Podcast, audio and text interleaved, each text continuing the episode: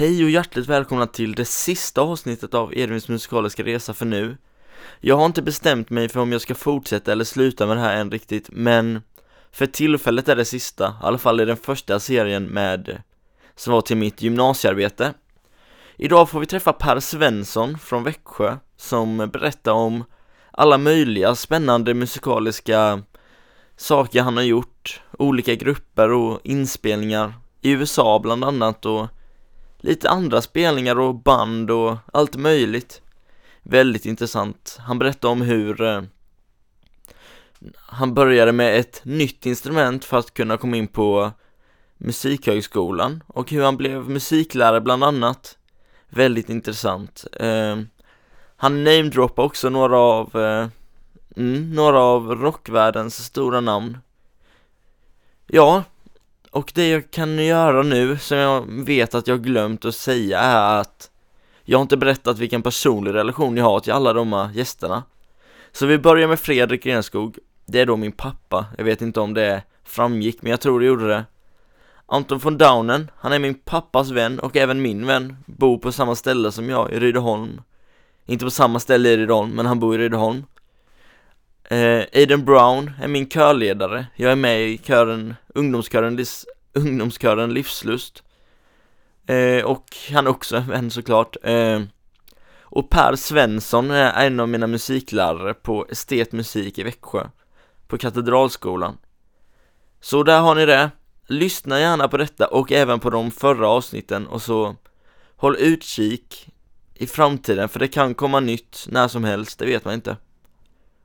Men eh, tills vi hörs nästa gång så önskar jag dig trevlig lyssning och eh, gilla och dela och allt det där, ni vet. Trevlig lyssning. Edvins musikaliska resa Edvins musikaliska resa Edvins musikaliska resa Häng med! Jaha.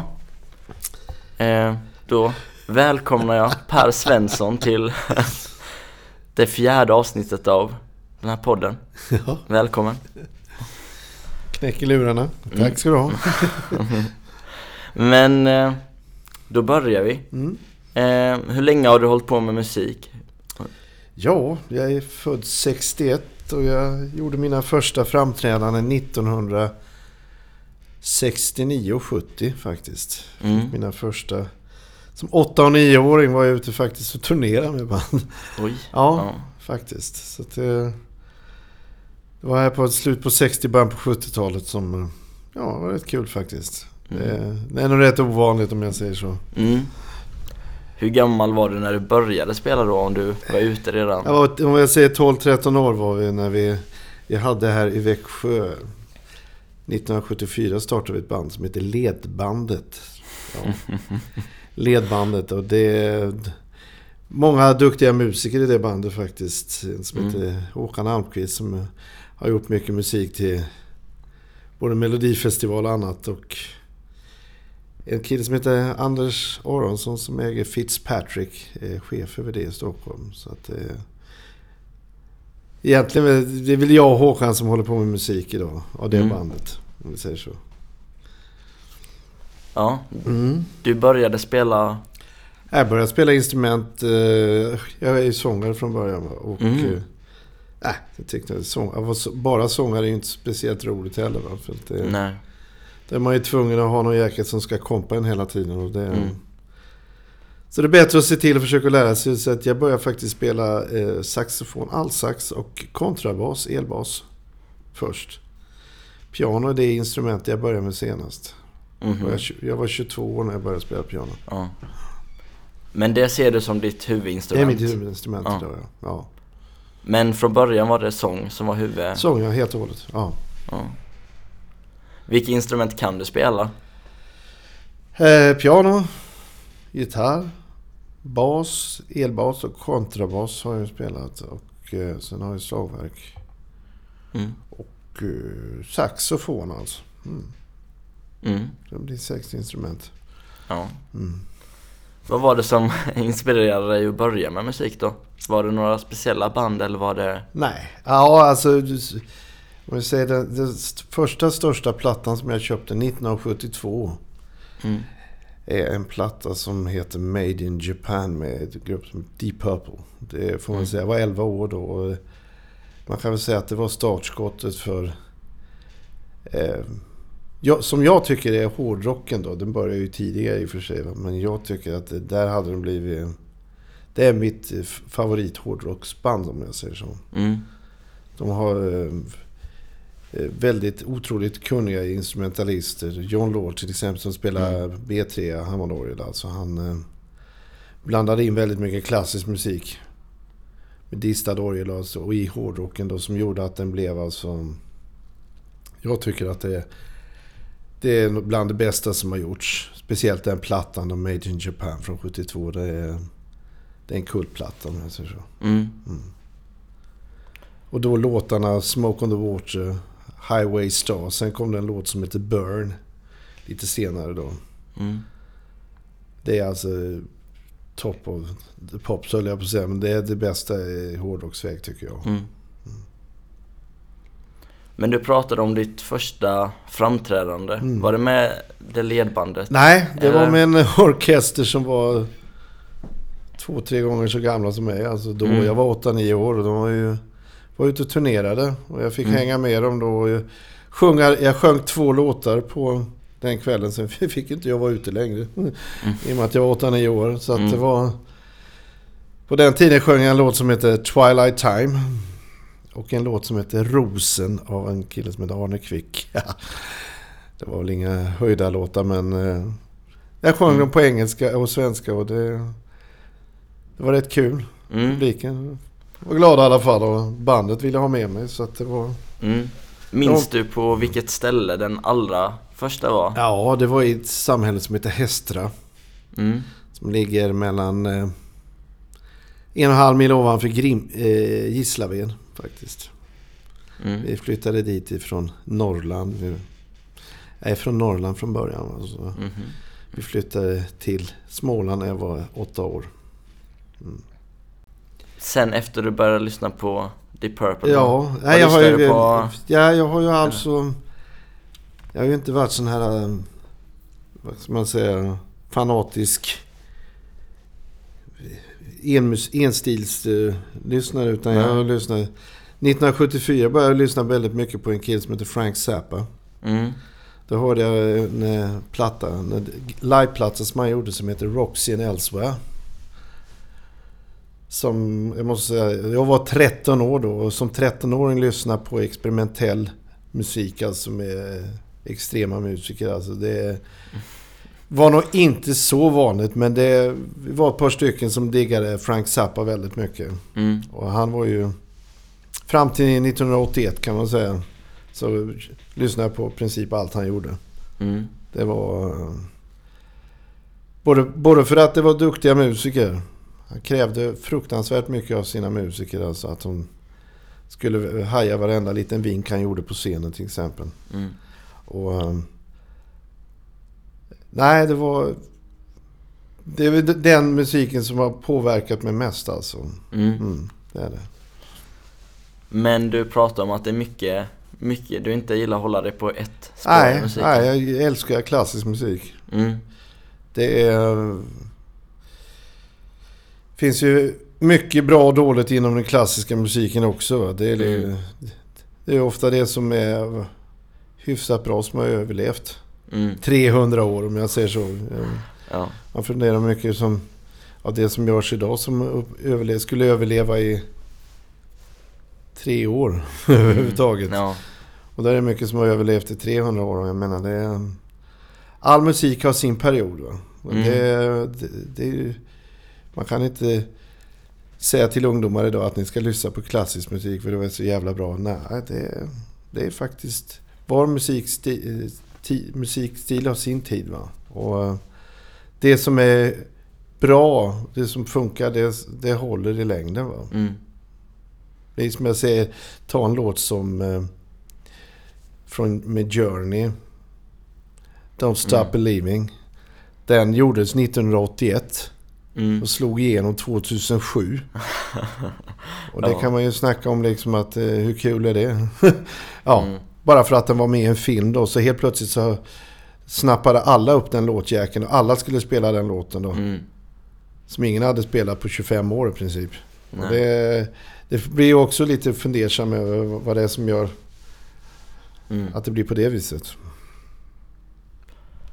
Men har du några musikstilar som du, som du, vilka känner du mest hemma i? Eller har du? Ja, det är en musikstil som kallas för AOR. En eh, genre som är för Adult Oriented Rock kallas det för. Det är lite mer vuxenrock som oftast går hem hos eh, killar och tjejer över 30-35 år.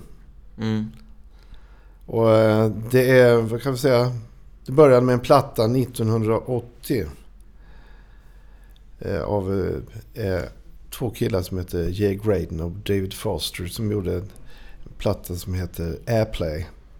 Mm. Och den kan man säga, det, det, det är amerikansk eh, västkustmusik som är väldigt, ska man säga, programmusik. Det är väldigt, eh, det är inte lättspelat men det är väldigt eh, melodiskt. Man kallas det, kallar det för melodisk rock.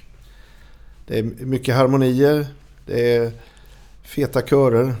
Man, man lägger väldigt mycket energi på att göra låtarna, eller ska man säga, melodiska och inte deprimerande utan eh, musiken ska vara glad. Man ska Mm. bli, känna det liksom att eh, det ska vara kul att lyssna på. Musik som man har på, gärna på i bilen när man ligger i 100 kilometer ungefär.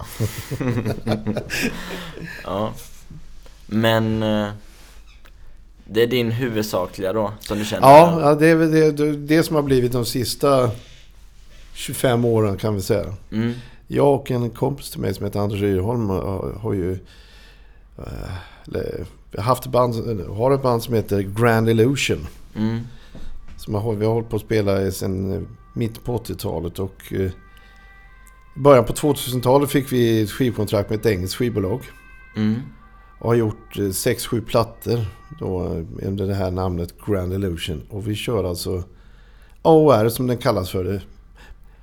Mycket körer, mycket distade gitarrer, väldigt eh, ska jag säga, pompös musik. Som Mm. är... Eh, många gånger kan det vara lite småsvår svår att göra live.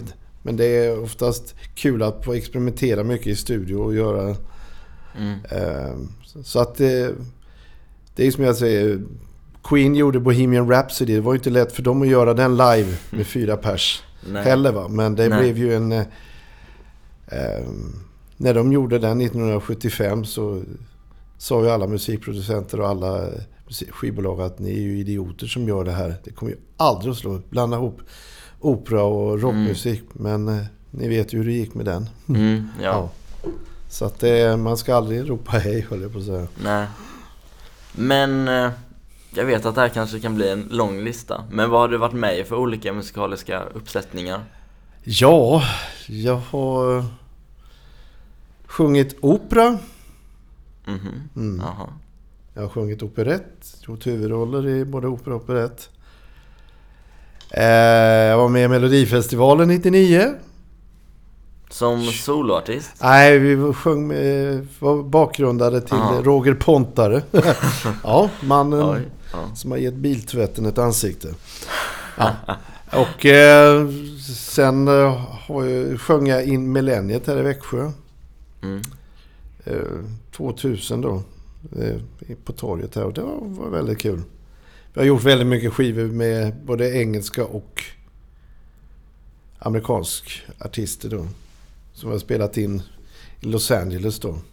Mm, som studiemusiker, eller har du... Nej, vi, det var eh, Anders då som är den stora drivkraften. Han bor i Växjö och jobbar på universitetet. Han är enorm drivkraft då. Som han har gjort två musikaler till exempel. Den ena som gjorde början på 90-talet som hette Dacke-musikalen som handlade om Nils Dacke. Mm. Som vi spelade på Konserthuset och ute på Slottsruinen på Borgården där. Och eh, faktiskt väldigt häftigt. Det handlar om Nils Dacke på 1500-talet. Och sen gjorde han en eh, musikal som heter Kompaniet. Som handlade Mm. om Ostindiefararna på 1700-talet. Och eh, den gick f- 2002. Och han är enormt produktiv människa, musiker alltså. Som, och gör... eh, Just nu till exempel så fick jag höra igår, då ska vi göra eh, två låtar till en japansk artist. Mm. Ja, som har gjort... En, en eh, artist som vi har gjort sex skivor med hittills. Vi var i Japan i februari och gjorde fyra framträdanden där. Mm. Så att det är kul. Man har gjort väldigt mycket. Så det har blivit en 25-30 CD-skivor under de här åren. Man har medverkat på. Det, Mm. det är skoj. Man har hojtat och gapat och skrikit. Så det är, man har lite med sig i bagaget. Så att det är allt från Ja. att ha sjungit opera Mm. och spelat eh, dansmusik till hårdrock till eh, allting sånt där. Till det, jag menar musik är så jävla mycket så att jag tycker inte man ska varken snacka dåligt om den ena eller andra musikstilen. Är, jag kan stå och spela tre ackord för en publik som tycker det är skitkul och jag kan spela 50 ackord för de som tycker det är roligt. Va? Mm. Men inget är bättre eller sämre än det andra. Va? Det, Nej. det tycker jag är det viktigaste man ska se när man spelar någonting. Va? Att, eh, var musik har sitt eh, vad ska man säga, område. Va? Det, är, Mm. det är varken något som är bättre eller sämre. Många tycker liksom att klassisk musik, åh det är så jävla fint. Och det, ja, Mm. mycket är bra men mycket, mycket är rätt skit också. Om jag ska vara riktigt ärlig. Va? Ja. Man bör lyssna noggrant på det. Så att, eh, Mm. Men hur har det varit med eh, turnerande och sånt? Har det varit Ja, jag var ute och turnerade under- perioden under både 80 och 90-talet. Men det, det, det är ingenting man eftersträvar. Det, det är bara ett jävla kuskande. Mm. Om jag säger så. Många tycker liksom att turnerande det är så märkvärdigt. Och man ska ligga på, på vägarna och åka eh, ja, sk- skitigt. Man är, skjuta skiten av med hagelbössa. Men det, jag menar det är... Idag är det ju sådär, i och med att skivor inte säljs som förut så är många av de här största, till och med de största artisterna är tvungna att åka ut och göra turnéer. Mm. Därför de tjänar ingenting på skivförsäljning längre. Va? Nej. Så eh, att de säger att de älskar att vara ute och spela, det, det många gånger nej. Nej. Det är bara för att få in stålar då. Mm. Till alla dyra utgifter. Jag Mm. menar det är... Det är som för fyra år sedan träffade en Steve Lucassen som spelar i Toto. Mm. Och... Eh, eh, spelade in med honom i Los Angeles och han berättade då liksom att han hade inte mer än hunnit hem från turnén så skulle hans fru, nuvarande fru då skiljas. Och, ja, då var han tvungen att åka ut på turné igen för att ha råd att betala underhåll till henne då. Mm. Så Ja. det här att vara ute och turnera för, för turnerandets skull, det tror jag inte, det är inte speciellt. Det ska vara Rolling Stones som tycker det var kul att vara ute när man är 70 bast och inte har så mycket att göra hemma. Mm. Det ska Ja. vara det, men annars så... Nej. Det kan vara kul ett tag va, men eh, att ligga ute på vägarna och som en del band som är ute och spelar för jämnan och är aldrig hemma höll jag på att säga. Det, Nej, de Nej. tjänar inga pengar på det heller. Nej. Det är väldigt få turnerande grupper som tjänar någonting överhuvudtaget på att turnera. Det ska vara om man säljer ut hela fotbollsstadion och sånt där va. Mm. Men annars Ja. så, nej. Inte. Men eh, vad föredrar du? Föredrar du att spela live eller föredrar du att spela in? Ja, det är kul båda två. Alltså spela in i studio är roligt på det sättet att man, man kan laborera. Vi, Anders har ju alltså en fullt utrustad tipptopp studio ute i Öjaby som... Där vi inte behöver lägga några... Eh, eh man, man kan alltså jobba metodiskt. Man behöver inte liksom stressa fram grejerna Nej. utan man kan göra... Eh, Därför att man behöver inte lägga ut massa pengar på att betala studioutrustning eller studioteknik eller någonting sånt. Och det är det som har gjort att det är skitkul att jobba i studio. Man kan lägga alltså... På vissa låtar har vi lagt nära 30-40 kanaler med sång. Med stämmer som man mixar och förändrar rösten och allting sånt där. Och det är jättekul att stå för en... Att du ska sjunga samma stämma fast med fem olika röster. Bara för att det ska låta som det är fem olika personer som sjunger. Och det är, det är jättekul. Att vara ute och spela live är ju skitkul det också. Mm. För det, då träffar man ju de här... äh, När vi var, senast jag var ute och spelade live äh, i, med Grand Illusion var 2010 i England då. Och Mm. Då är det folk som hade rest från Florida, från Grekland, för att lyssna vara på konserten alltså. Och det, Mm. Då tänker man wow. Det, då är man entusiast va. Ja. Här pratt snackar vi om att åka ner på Sweden Rock eller någonting sånt. Men det här är alltså... Han hade åkt från Flor- Florida då för att lyssna på det. Och det, Mm. då tycker man det, det är rätt häftigt faktiskt. Så att det, det, allting har sin tjusning va. Det är som jag säger, musik är så jävla mycket så att... Det... eh, nej, det får jag nog Mm. säga. Det är båda två är nog lika roliga faktiskt. Ja. Ja. Det- Mm. ja. Men då går vi vidare till punkt två. Ja. Jag har bett dig ta med Mm. tre skivor Mm. som eh, har betytt mest och format dig mest som musiker. Eh, Den Så- första är ju alltså Made in Japan från 1972 med G Purple. mm, Där du har alltså eh, en gitarrist som... eh, Richie Blackmore som spelar jädrigt bra riff alltså och eh, har ett väldigt bluesigt gitarrljud. mm, Där du har eh, eh, John, eh, John Lord som spelar eh, orgel då. Och, eh, det var väl inte så jädra poppigt att ha orgel va? För att i hårdrock så lägger man ju helst på massa gitarrer. Men han Mm. körde distad orgel och gjorde mycket klassiska riff och så här som var... Låtarna Mm. var bra alltså. De var tekniskt faktiskt rätt svåra att spela. Va? Många Mm. tycker ju att Led Zeppelin var de stora, men nej, jag tycker nog inte det. nej. Jag för min del tycker Deep Purple då va. Just med de här uh, Smoke on the Water och Highway Star är bland den roligaste låt man kan spela om man är keyboard-kille. Mm. Och sen då en låt som heter Burn. Det är för Anna, vi- en, en, en av låtarna vi ska spela in till Japan nu som ska vara med på en film. Mm, Burn, en klassiker där. mm. Men eh, Mm. om du får välja en av låtarna på den Mm. skivan som du vill spela upp, vilken vill du spela upp? Ja, då vill jag spela upp Highway Star faktiskt. Mm, Smoke on the Water är så jävla uttjatad i det här Mm. laget. ja. Ja, det, är, det är det gitarriffet som alla satt och spelade på på 70-talet. Om man jämför med idag så är det väl den här Sweet Child of Mine. Ja. Jag på att säga. Jo. Om de vågade spela det inför mig. ja. Det mest uttjatade gitarriffet idag tror jag. Jo. mm, ja, jag Ja. kan faktiskt inte det. Sweet Child of Mine. Nej. Var glad för det. Men jag har aldrig tagit mig tiden att lära mig det. Nej, det, det gör inte det. Men eh, ska Mm. jag eller du spela upp det? Jag gör det du. Ja. Highway Star från plattan eh, Made in Japan från 1972.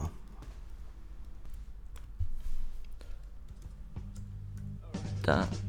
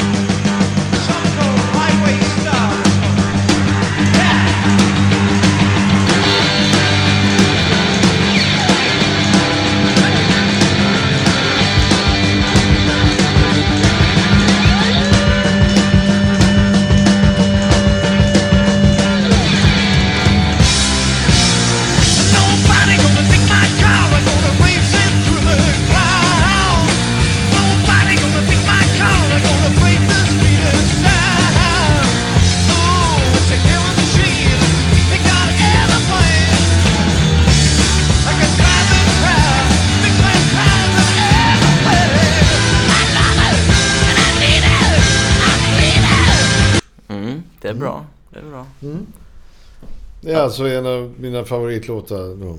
Mm, Highway Star. Både sång och låt som har en väldigt power i rösten. Lite jämförelse med growl och grunge eller mm, pig squeal och sånt idag va. Det är, det är en ren rockröst va. Inget eh, konstlat utan det är power alltså från mm, första verkligen. början va. mm. Och det, den tycker jag är, det, det, är en av de absolut bästa rocklåtarna. Hårdrock som man kallar det på 70-talet. Sen kom ju mannen som inte kommer ihåg 80-talet, Ozzy Osbourne, i slutet på 80-talet. Med, Mm. Då börjar man kalla det för metal helt plötsligt. Va? Mm. Men just hårdrocken va, är ju en, Den kom ju i och för sig tidigare, men just den här plattan tycker jag är, är riktig kick-off när det gäller hårdrocksmusiken. Va? Mm. Ja, men då går vi vidare till din andra. Ja, det är ju Frank Zappa då. Och eh, han var en väldigt finurlig liten man. Eh, skrev extrema arrangemang till exempel som eh, musikerna hade full sjå att spela. En, en låt som jag vill spela från en skiva som heter Rocks in Elsewhere från 1974. Den är inspelad 73 men den heter Village of the Sun. Mm. Jag ska se om jag... Eh, De flesta som känner igen eh, eh, Frank Zappa är ju hans låt från sj- 79, eh, vad heter den nu? Från Joe's Garage. mm, Bobby Brown. Just det. Just det. Ja. Det är väl, de flesta känner igen den låten av honom. Va? Det är väl den enda också många gånger. Men, Mm. men just den här från 74. Thank you. Thank you very much. All right. Does anybody here know where Palmdale is? You do? Good. Do you, have you ever heard of a place called Sun Village? You, some, some of you know where Sun Village is. Okay, it's out in back of Palmdale. All right. At one time, that used to be a uh, big place for raising turkeys. Uh, I went to high school in Lancaster, which is not far from uh, from uh, Palm. Oh, is it very good for other things out there now? Good. Can't turn me up so they can hear what I'm saying. Ladies and gentlemen, this is a song about this place where I used to live, where they used to raise turkeys.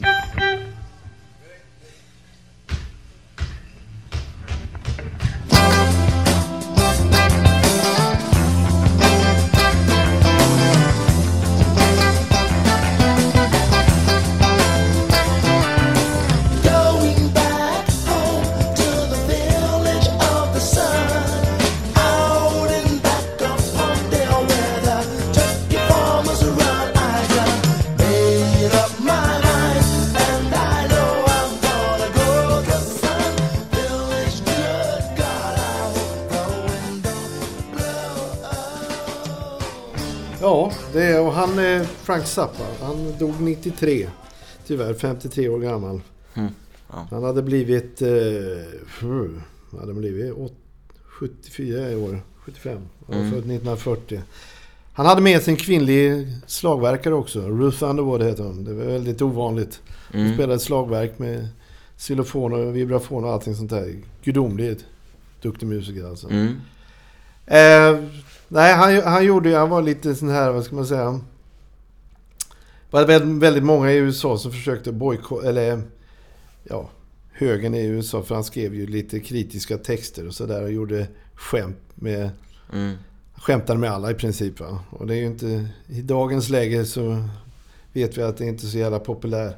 Nej, Alla tar ju inte skämt på, på skämt. nej, Nej. det... Nej, just det. riktigt. Så att eh, just Ja. den här Zappa, eh, med den här skivan, lyssnar jag väldigt mycket som 13-åring alltså. Mm. Det, Ja. ja. Hur fick du tag i den? nej, det var Mm. min bä- bästa kompis i ledbandet faktiskt, trumslagaren där, Peter Olsson heter han, som hade den skivan. Vi satt och lyssnade hemma hos honom en jävla massa då. Och lyssnade på väldigt mycket experimentell musik alltså. För att ehm, eh, hemma i Sverige var det ju den här vänstervågen kan vi säga med, med mycket proggband. Mm. Och det var ju inte direkt kul att lyssna på. Nej. Nej, allmänt småtjuriga och sådär. Utan... Eller så var det ABBA som gällde då på mitten på 70-talet. Så vi hade ju annat att lyssna på faktiskt. Mm. Mm. Ja, det är roligt att eh, alla gäster som har tagit med tre, eller fått Mm. välja tre skivor, har valt väldigt olika skivor, alla tre. Har du gjort det? Ja, men det är Och, kul. eh, det skiljer sig rätt mycket på Deep Purple och Frank Zappa också. Det skiljer sig jättemycket. Det är inte en siffra det. Nej. inte ens ackordmässigt eller någonting. Utan det är, det är, just, det är just det här Eh, vad som påverkar, alltså musik, Mm. när inte musik påverkar en längre, då kan man lika gärna lägga av alltså. Mm. När man känner, man, jag har hållit på snart eh, 45 år att spela. Och jag, den dag jag känner liksom att musik ger ingenting. Och det, jag får väl säga det att tyvärr är det väldigt mycket musik idag som inte säger ett jävla smack, tyvärr. Mm. Musik är så överproducerat idag att eh, det är inte tänkt att du ska tänka för jävla mycket utan det, det ska bulta in i huvudet va, och ut genom eh, örat efter ett par Mm. veckor. Va. Och det, bäst före-datum på det mesta musik idag är ju 12 till 16 veckor. Va. Mm. 3-4 månader max. Va. Och sen så spottar man ut och sen är det gammalt. Va. Och det, det var lite skillnad då eh, på den tiden. Va. Mm. Då köpte man en, man kunde sitta nere i stan, man kunde gå in och låna en skiva, gå in i ett litet bås och lyssna på en, de nya LP-skivorna som hade kommit då. Idag va, så går man in på Spotify som, som vi sitter va, Mm. kan hämta allting. Va? Ja. Och det, det blir så här när man lär sig, man har någonting att jämföra som en annan. Jag har att jämföra med ända från 60-talet fram till idag. Va? Där man ser liksom skillnad vad som har hänt. Va? Och utveckling är ju både på gott och ont. Mm. Därför att utvecklingen har ju varit i och för sig bra. Det är lättillgängligt. Men musik är för lättillgängligt också idag. Därför att man behöver inte anstränga sig utan det bara vräks ut musik i, till höger och vänster. Mm. Och, eh, förr fick man anstränga sig på ett helt annat sätt för att få tag i, sig, i musiken. Va? Mm. De flesta av skivorna jag har till exempel hemma är Japanpressningar. Mm. På 80-talet till exempel så... För att få en speciell bra skiva så köpte man importerade från Japan. De kostade fyra gånger så mycket som Mm. pressningar härifrån Sverige. Då, köpte man, då fick man ofta med ett par låtar extra. För i Japan är det nämligen så att ger du ut en skiva i Japan så ska de ha minst ett till två spår som bara ges ut i Japan och inte någon annanstans i världen. Mhm. Det är deras eh, krav så att säga för att ge ut skivorna. Och det ska vara exklusivt för Japan. Så fick man tag i Japanpressningar. De kostar 300-400 spänn då på 80-talet. Det är som en tusenlapp idag. Jag undrar hur många Ja. som skulle lägga ut det på en skiva idag. Mm. Nej. Nej. Då köpte man direktgraverade skivor från Japan då. Såna här Ja- Japanpressningar kallas det för. Mm. Ja, det blir intressant. Vad Ja. har du för sista skiva? Sista skiva är då en skiva som heter Airplay. Mm. Som du kan skriva där. Det är en låt som heter Stranded. Väldigt mycket körer, dissade gitarrer där också. Och eh, det är som jag säger, många gånger så tycker man att eh, eh, just musiken, s- sången är, kommer i både andra och tredje hand. Det är inte lika viktigt. Nej. Nej. Tar man Bohemian Rhapsody så är ju sången det primära i låten egentligen. Mm. Utan den sången som är där så eh, hade låten fallit totalt egentligen. Och jag menar, Mm. har du en frontfigur som har en bra pipa som sjunger och bra körer i bakgrunden så kan du göra en hel låt. En hel. Så att eh, den här låten som heter Stranded, hittar du den? Japp. Mm.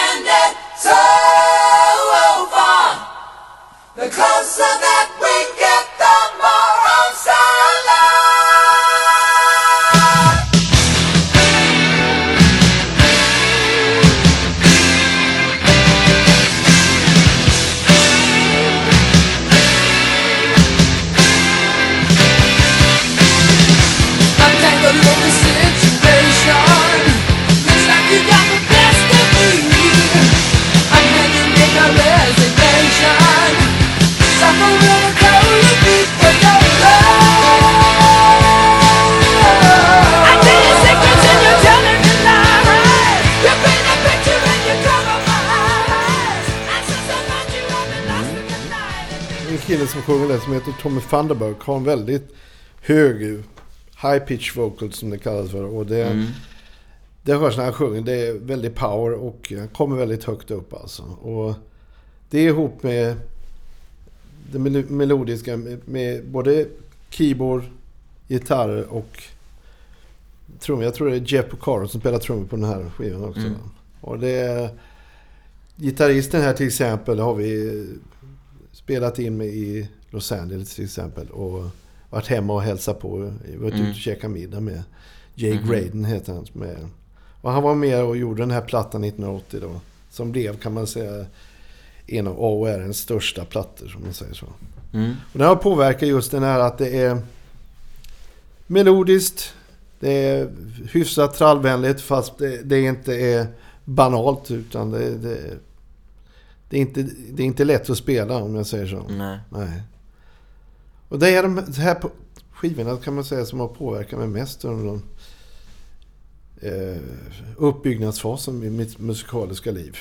Samt klassisk musik då. Men just det här, man är mest påverkbar från man säger 12-13 år fram till upp till 25-årsåldern. Va? Mm. Där man lyssnar. Sen då, det man lyssnar på efter det är ju ofta det som man har konsumerat tidigare. Mm. Så att det blir ju... Det är inte kanske speciellt mycket musik som man tar till sig efteråt. Så jag, när man sitter på hemmet om en 10-15 år så kanske man lyssnar på såna här plattor. Smoke on the Water. Och man sitter och bråkar på ålderdomshemmet vilka som var bäst. AC/DC eller om det var... Det kommer inte vara något dragspel utan det kommer vara hårdrock eller någonting sånt. Så. Mm. Ja. Jaha, men eh, vad har du haft för saker på gång nu på senaste tiden? Ja, nu, just nu spelar jag revy faktiskt. Eh, Kapellmästare i revy då, så sexmannaband. Och det är rätt kul faktiskt. Det är, I år är det väl inte så svåra låtar som man kunde väl spela med nattmössan höll på att säga. Men det, det är kul Mm. ändå. Just det här att vara ute och spela mycket och spela med olika musiker. Man Mm. lär sig alltid något nytt. Eh, Ja. Sen ska vi som sagt var börja spela in de här två låtarna till som ska eh, vara med i Japan då. Mm. Och det blir kul. Det, jag fick höra ena låten igår och det ska bli spännande att lägga alla körerna på den då. Mm. Det tar några kvällar att göra det. Ja, det är det du ska göra då? Lägga Ja, backing vocals? back vocals ja. Mm. Och det, så att eh, sångaren då är japan då som ska sjunga då. Mm. Lead. Och eh, ja, som sagt var. Rock på japanska, det låter lite annorlunda om jag säger så. De Mm. har ju inte hårda konsonanter direkt utan alla R låter L och det blir lock and loll. det blir inte så tuss och det behövs lite ja, distinktare körer i bakgrunden där. Ja. Men när du ser tillbaka på vad du Mm. har lyckats uppnå musikaliskt än så länge Ja, Är det några av de drömmar du hade när du var liten som du känner att du lyckats uppfylla? Det... Nej, men jag säger så här, jag hade inga drömmar när jag var liten faktiskt. Utan det har blivit som det har och jag är jävligt nöjd med det jag har gjort faktiskt. Mm. Det har hunnit med att det har varit så mångskiftande. Eh, allt ifrån klassiskt till hårdrock till... Det har liksom inte... En del grejer har man halkat in på bananskal. Det här med att jag gick och utbildade mig till lärare till exempel. Det var, det var ett mål jag hade när jag var 21. Min eh, pappa dog när jag var 20 då. Mm. Och då tänkte jag så här, jag skulle, min pappa var ju eh, rätt musikalisk och då tänkte jag det att nej men jag kanske skulle ta och försöka utbilda mig. Så jag hade det som ett mål. Och vid 21, i 22 års ålder började jag spela piano. Mm. Och övade fyra timmar om dagen. Och vid 24 års ålder kom jag in på musikhögskolan på piano. Då hade jag övat alltså spela piano ett och ett halvt år. Och det... När man har ett mål, det är liksom ingenting är gratis. I, i, problemet idag är liksom att man tror man ska bli upptäckt och så här. Ja, det finns inget genvägar eller som han säger Neil City, det finns ingen genväg till perfekta ljudet. Du Nej. måste faktiskt, man måste sitta och öva och träna själv. Mm. Och så mycket som jag tränade då mellan 20 och 25 års ålder, det har jag aldrig gjort efter det. Och inte innan heller. Nej. Då hade jag ett mål och jag uppnådde det målet. Och det som jag har gjort efteråt, det, det känns skönt. Jag, har liksom, jag behöver inte eftersträva något mer egentligen. Va? För jag har fått Nej.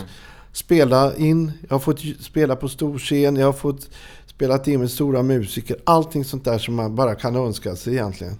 Har jag Mm. fått göra. Så att det, jag, jag känner mig, nu är jag 54 år snart och det känns liksom att nu kan jag luta mig tillbaka och känna att liksom, yeah, yeah. jag har haft det jävligt gott alltså. Och det har jag faktiskt. På det sättet har livet va- varit snällt mot mig. Mm. Det är skönt Mm. att få känna så. Jo, men alltså det, det är som jag säger.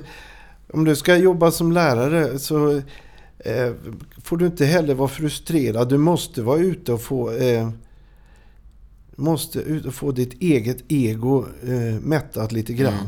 Du, kan inte, du blir inte en bra lärare om du bara sitter och ska undervisa andra till att bli bra och du inte själv får ge utlopp för ditt eget utan Nej. du bara hela tiden ska hjälpa andra på traven och du själv sitter där. Ja, och jag själv då? Vad händer med mig? Ska jag bara Mm. sitta och visa alla andra vad, vad de ska göra och sen får jag inte ut någonting själv av det? Och det, det har jag gjort så att jag, jag gläds åt alla mina eh, både konkurrenter och mina elever när det går bra. Mm. Jag tycker liksom att det, det är kul när det går bra för människor. Man ska inte vara missunnsam. Nej.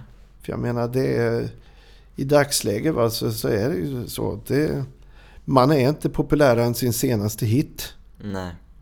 Det är många artister som har slått igenom idag och de har haft världens hit på sommaren och eh, det är inte en chef som hör. När julen kommer så lyssnar man inte på dem längre. Och det, det är nog rätt hårt. Jag Mm. menar, det i dagsläget att bli bortglömd som artist. Det är nog det värsta som kan drabba, drabba många Mm. faktiskt. Men hur länge har du jobbat som lärare? Jag tog min examen i Stockholm på akademin där uppe 1989. Mm. Så jag är inne på mitt 25-26 år. Mm. Och det är kul att jobba med, med ungdomar. Och eh, man kan bli vansinnig på dem många gånger det här. Och det, men det gör, det gör man många gånger bara för att man bryr sig. Mm. För att det är just det här att man börjar lyssna på musik. Det är, det är sällan eh, eh, jag blir berörd. Det är sällan jag känner liksom wow, fan det här var grymt. Och de gångerna jag gör det, till och med vi hade en konsert för 5-6 år sedan i skolan här. Eh, vår gitarrlärare kompade en tjej som sjöng en jazzlåt som heter My Fanny Valentine. Och de gjorde det så jävla klockrent så jag började grina. Jag började gråta alltså under konserten och mina kollegor tittade på mig och sa Ja men Svensson för fan, sitter du och gråter? Ja. Det är en av få gånger jag har känt liksom wow, fan det här var för jävla bra. Mm. Och då kan jag gärna gråta. Man blir inte mindre kvar för det. Men jag menar, det, den dag man inte känner någonting, när musik bara blir en produkt utan att ge någon känsla överhuvudtaget, då, då kan man lägga av med det. Ja. Och det, är, det är risken idag, liksom. det är att det bara blir en produkt. Ett yttre. Det blir som kejsarens nya kläder. Man skapar eh, image på artisterna. Det blir liksom... Det blir bara ett skal. Sen finns det ingenting bakom det där skalet. Och det eh, tyvärr har det blivit för mycket så idag. Med alla sådana här tävlingar. Mm. Ja. När, man, när man eh, kan ställa upp och folk blir förbannade när de... Ja men vad fan, jag är ju så jävla duktig. Mina kompisar säger det. Ja, då tycker jag du ska byta kompisar. Jag menar det... Ja. Det har hänt att man har sagt till elever att ja, men du är jätteduktig på att spela det där instrumentet. Jag tycker du ska testa det. Mm. För som lärare har man ju faktiskt en skyldighet också att kunna säga det att men du är rätt bra på det där så jag tycker du ska pröva på det där. Mm. Av erfarenhet. Ja. Så det, Men eh, vi har ju pratat mycket om musik nu Mm. och eh, om ditt musikaliska Mm. skapande och att du varit Mm. med på mycket och så. Men eh, jag tänkte att vi kan ta en stund och Mm. lyssna på lite saker som Mm. du varit med på. mm. Eh, men jag tänkte, just för att det är väldigt enkelt med Spotify och så, Mm. finns det någonting ute på Spotify? Eh, Eller, eh, ja, Grand Illusion kan du titta på. Mm. Det kom upp här ja. Ja, Mm. eh, Grand, eh, eh, Brand New World heter skivan. Från 2010.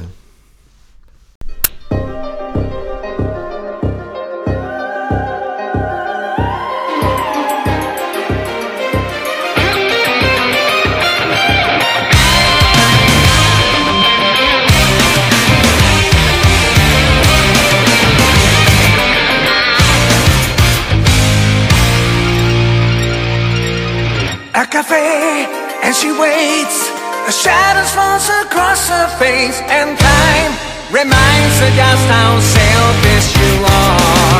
Always blind,